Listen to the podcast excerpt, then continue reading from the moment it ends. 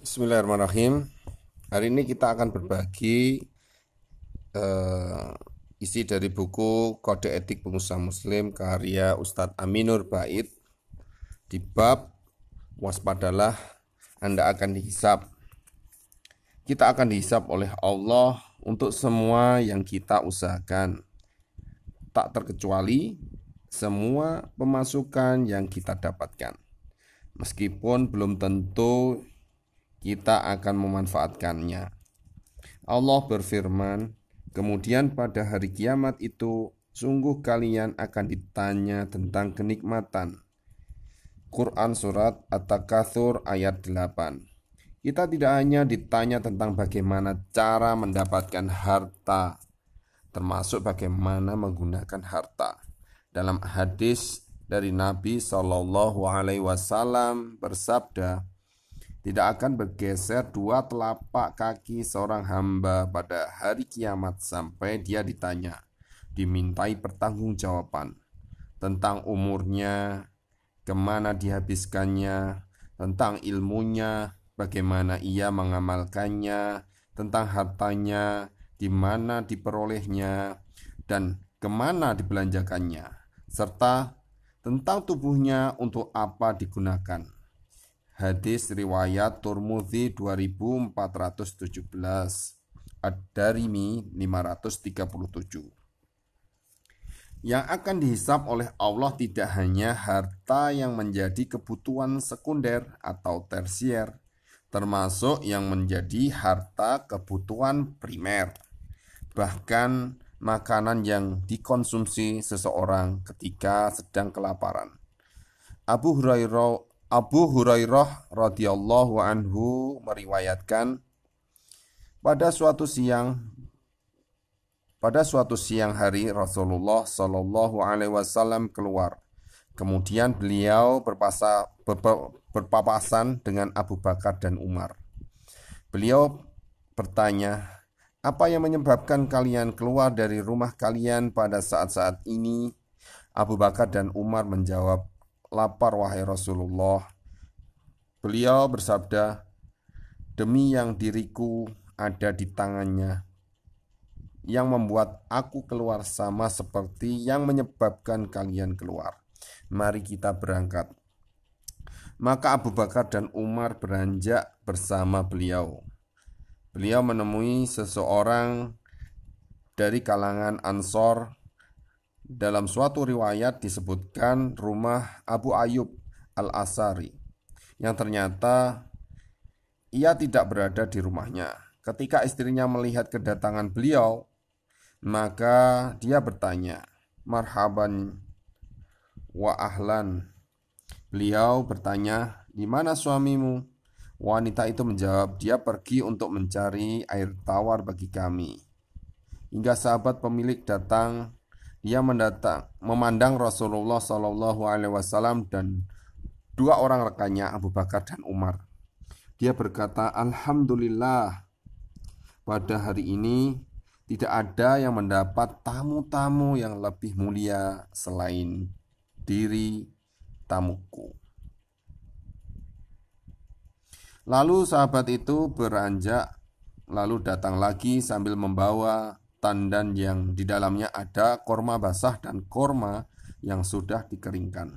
Dia berkata, "Makanlah hidangan ini." Lalu dia mengambilkan tempat minum. Beliau bersabda, "Tidak perlu memerah air susu."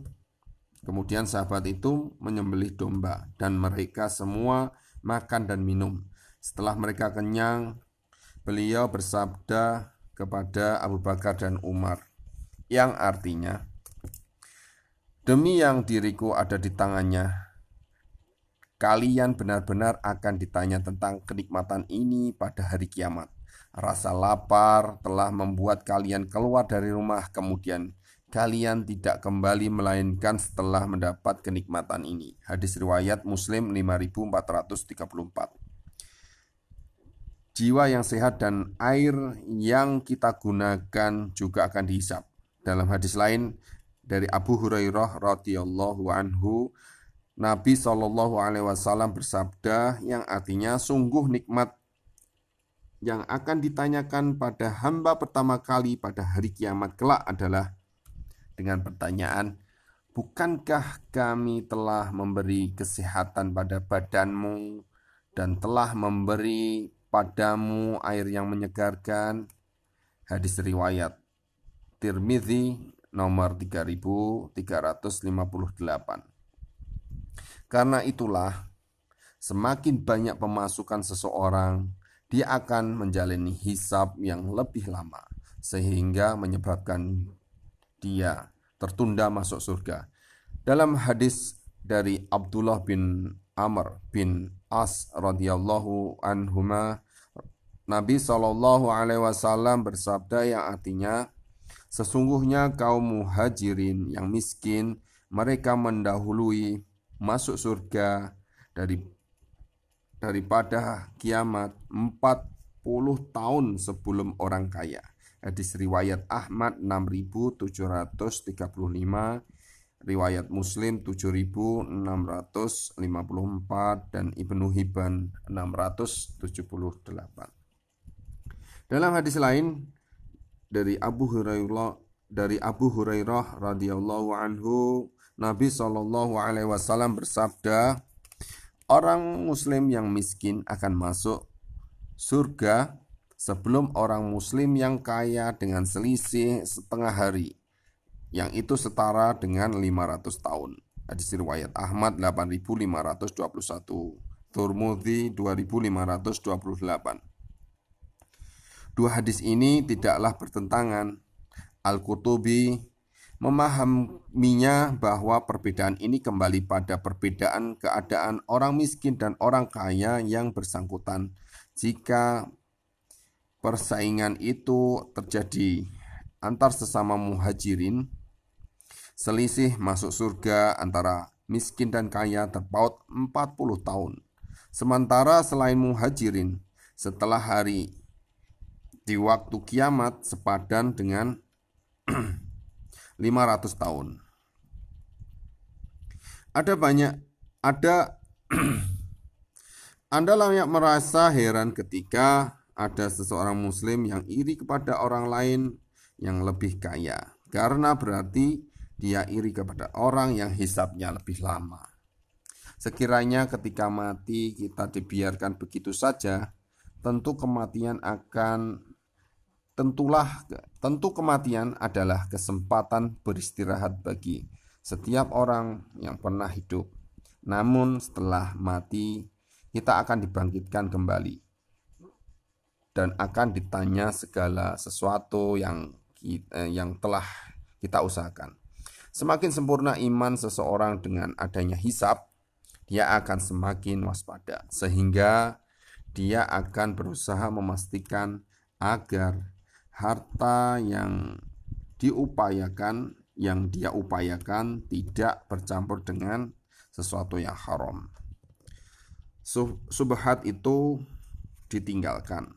Nabi Shallallahu Alaihi Wasallam menjelaskan hal ini dalam hadis beliau yang artinya sesungguhnya yang halal itu jelas, yang haram itu jelas, dan di antara keduanya perkara-perkara subhat, samar atau belum jelas, yang tidak diketahui oleh kebanyakan orang. Maka barang siapa yang menjaga dirinya dari subhat, dia telah menyelamatkan agama dan kehormatannya. Dan barang siapa yang terjerumus ke dalam subhat, dia pasti akan terjerumus ke dalam yang haram. Seperti orang pengembala yang mengembala hewannya di ternak, yang mengembala hewan ternaknya di sekitar kawasan terlalang. Hampir-hampir hewan itu akan menerobosnya. Hadis riwayat Bukhari 52, Muslim 4178. Berbeda dengan orang zaman sekarang, terkadang subhat dijadikan alasan untuk pertahanan untuk mempertahankan penghasilan dan masih subhat. Kan masih subhat. Belum jelas haramnya. Bahkan ketika ada perbedaan pendapat di antara para ustadz, bisa dijadikan alasan itu masih subhat Dulu ada beberapa sahabat yang sengaja meninggalkan beberapa peluang halal. Mereka khawatir terjerumus ke yang haram. Abu Bakar pernah mengatakan, dulu kami meninggalkan 70 peluang halal karena khawatir akan terjerumus ke dalam yang haram. Arisalah Al-Quraisyah halaman 53. Umar juga memiliki prinsip yang semisal. Beliau mengatakan, kami meninggalkan sembilan dari sepuluh peluang yang halal karena takut terjerumus ke dalam yang haram. Ilya Ulumuddin Al-Ghazali halaman 295. Demikian mudah-mudahan bermanfaat. Wassalamualaikum warahmatullahi wabarakatuh.